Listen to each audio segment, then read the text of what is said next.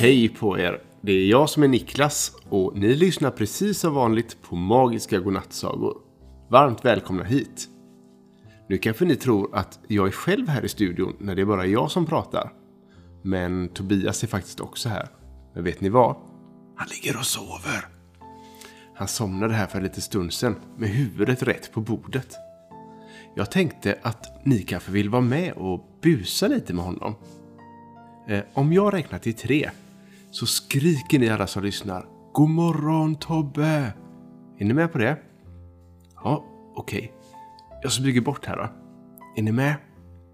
Ett, två, tre!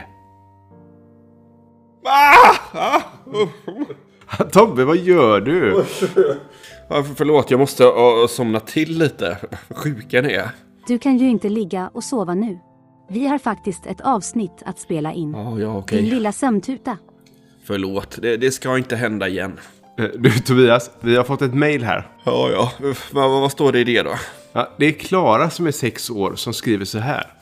Hej Aida och Tobias och Niklas. Jag undrar en sak. Vattnet snurrar ju när man släpper ut det från en badbalja ner i golvbrunnen. För att jorden snurrar. Men varför snurrar inte vattnet i en sjö? Eh, vet du det här Tobbe? Uh, nej, jag är lite för nyvaken för att veta sånt faktiskt. Men uh, vi kan kolla med Aida. Uh, vet du vad det här var för något Aida? Hej Klara. Vilken bra fråga. När du tömmer en badbalja och vattnet snurrar ner i brunnen så kallas det en virvel. Många tror att det beror på att jorden snurrar, men det är inte riktigt sant. Det snurrar för att gravitationen gör att vattnet vill följa med ner i brunnen. Jordens snurr hjälper bara lite lite grann. I en sjö snurrar inte vattnet på samma sätt. Det är för att det inte finns något som får vattnet att vilja snurra där. Sjöar är också mycket större än badbaljor, så vattnet rör sig inte lika snabbt och det blir inga virvlar. Ja, vad bra. Ja, då vet vi det. Eh, tack Aida. Eh, har du någon rolig, härlig fakta till oss också idag? Ja, det har jag faktiskt. Idag blir det långsam fakta. Femåriga Ruben från Eksjö har nämligen önskat sig fakta om sniglar. Jag skriver ut den nu.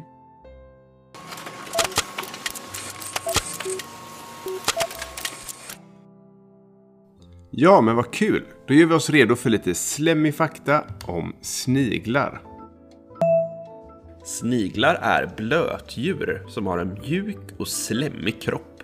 Sniglar har inget skal, ja som snäckor har. Sniglar har ett huvud med fyra tentakler som sticker ut.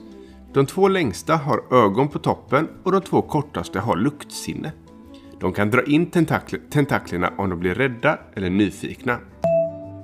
Sniglar är både hanor och honor på samma gång. Det kallas för hermafroditer. Sniglar finns i många olika miljöer, men de gillar mest fukt och skugga.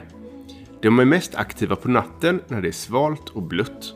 På dagen brukar de gömma sig under stenar, löv eller andra saker. Vissa sniglar går i ide på vintern när det är för kallt. Sniglar lägger ägg i små gropar i jorden eller under löv. Äggen är gråvita och ser ut som små pärlor. De kläcks efter ungefär två veckor och då kommer det ut små sniglar som liknar sina föräldrar. En snigel kan lägga upp till 400 ägg. Ja, vad intressant med snigelfakta. Det är ju väldigt många som säger sniglar till de där som har hus på ryggen. Men nu har vi lärt oss att de inte är sniglar, utan att det är snäckor. Just det. Kommer du ihåg Niklas den där sagan som handlar om en uggla som sålde sniglar? Den var väldigt rolig tycker Ja, jag. just ja. Den var skojig. Och på tal om sagor. Är du redo för dagens önskemål, Tobbe? Är jag det? Eh, Ja, okej. Jag är redo. Då kommer det här. Hej, jag heter Aston och jag kommer från Stockholm och jag är åtta år. Och jag lyssnar på er varje dag.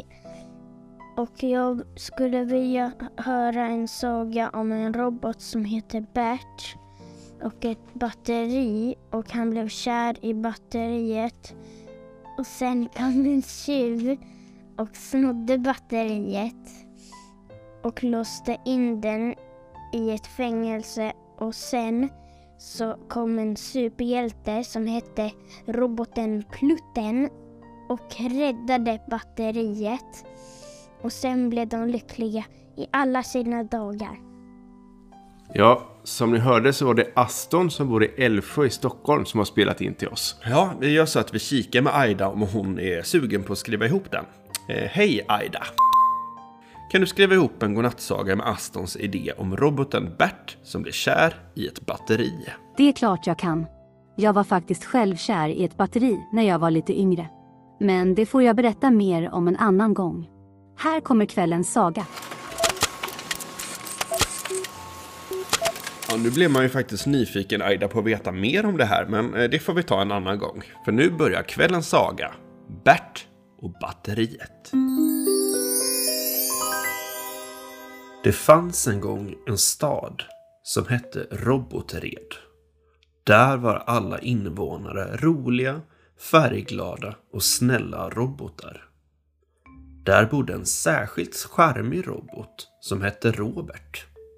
Men han kallades för Bert. Bert var en trevlig robot som älskade att hjälpa sina vänner och spendera tid med att uppfinna nya och spännande saker. En dag när Bert var på sitt laboratorium hittade han ett batteri som var alldeles speciellt. Det var inget vanligt batteri, utan det var det mest gnistrande och glittrande batteri som han någonsin hade sett. Bert kände genast en stark känsla av kärlek och beundran för detta underbara batteri. Han gav det namnet Batterina och tänkte att detta batteri måste ha magiska krafter eftersom det var så vackert. Bert och batterierna blev snabbt oskiljaktiga. De delade allt tillsammans och hade så roligt. Bert kände att han hade hittat sin livs kärlek och ville aldrig vara ifrån batterierna. Men en dag när Bert och batterierna var ute på en promenad i parken hände det någonting fruktansvärt. En ondskefull tjuv vid namn Elaktina dök upp och hon stjäl, stal batterierna mitt framför ögonen på Bert. Bert blev förtvivlad och visste inte vad han skulle göra. Elaktina skrattade elakt och försvann med batterierna till sitt hemliga fängelse. När Bert förstod vad som hade hänt så sprang han genast till sina vänner och berättade om det hemska brottet. Alla robotar i robotstaden blev mycket ledsna och oroliga. De visste att de behövde hjälpas åt för att rädda batterierna. Som tur var så fanns det en modig superhjälte i staden vid namn roboten Ploppen. Roboten Ploppen var känd för sin styrka, mod och fantastiska äventyr. Han hade hjälpt många andra robotar och räddat dem från fara. När Bert berättade för Ploppen om batterierna och tjuven Elaktina så bestämde sig Ploppen genast för att han skulle hjälpa till att rädda Berts älskade batteri. Tillsammans gav sig Bert och Ploppen ut på ett farofyllt uppdrag för att hitta Elaktinas hemliga fängelse. De kämpade sig genom skogar, över berg och korsade floder. Allt för att hitta sin vän Batterina. Under resans gång så stötte de på flera faror och hinder. Men med deras samarbete och mod kunde de övervinna allt som kom i deras väg. Till slut så hittade de Elaktinas fängelse, högt uppe på ett berg. Ploppen använde sin superkraft för att öppna det låsta fängelset. Och där inne fann de batterierna. Och batterierna var både skrämd och ledsen.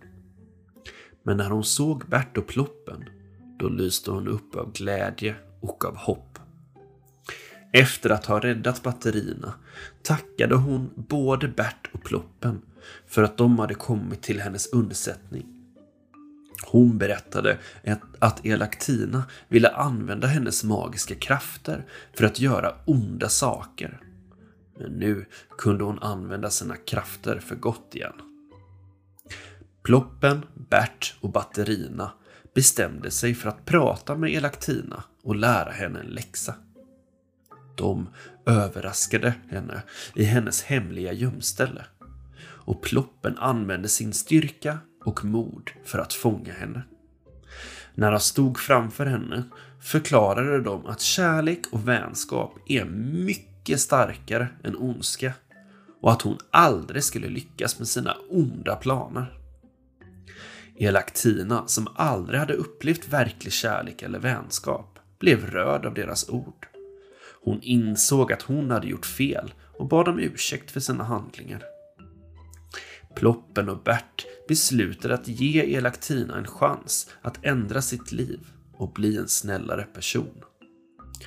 Så tillsammans så återvände de alla till robotstaden och där firade de räddandet av batterierna med en stor fest. Alla robotar i staden var glada över att batterierna var tillbaka och de välkomnade även Elaktina som en ny vän. Bert och batterierna kunde återigen vara tillsammans och deras kärlek blev bara starkare av deras äventyr. Och så levde de lyckliga i alla sina dagar. Där Bert, Batterina och Ploppen och alla deras vänner lärde sig vikten av kärlek, vänskap och att stå upp för det som är rätt. Robotstaden blev ännu en bättre plats att bo på och alla visste att de alltid kunde lita på varandra i tider av fara och sorg.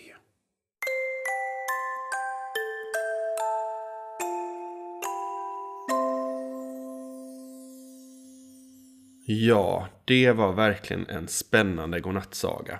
Vad bra den blev. Verkligen. Vilken tur att Aston skickar in den här idén till oss. Oj, Tobbe, nu verkar du allt ganska trött. Ja, nu kommer nog John Blund och hämta mig när som helst. Då får vi se till att gå och lägga oss nu. Tack för idag hörni. Hoppas att vi hörs imorgon igen. God natt på er. God natt.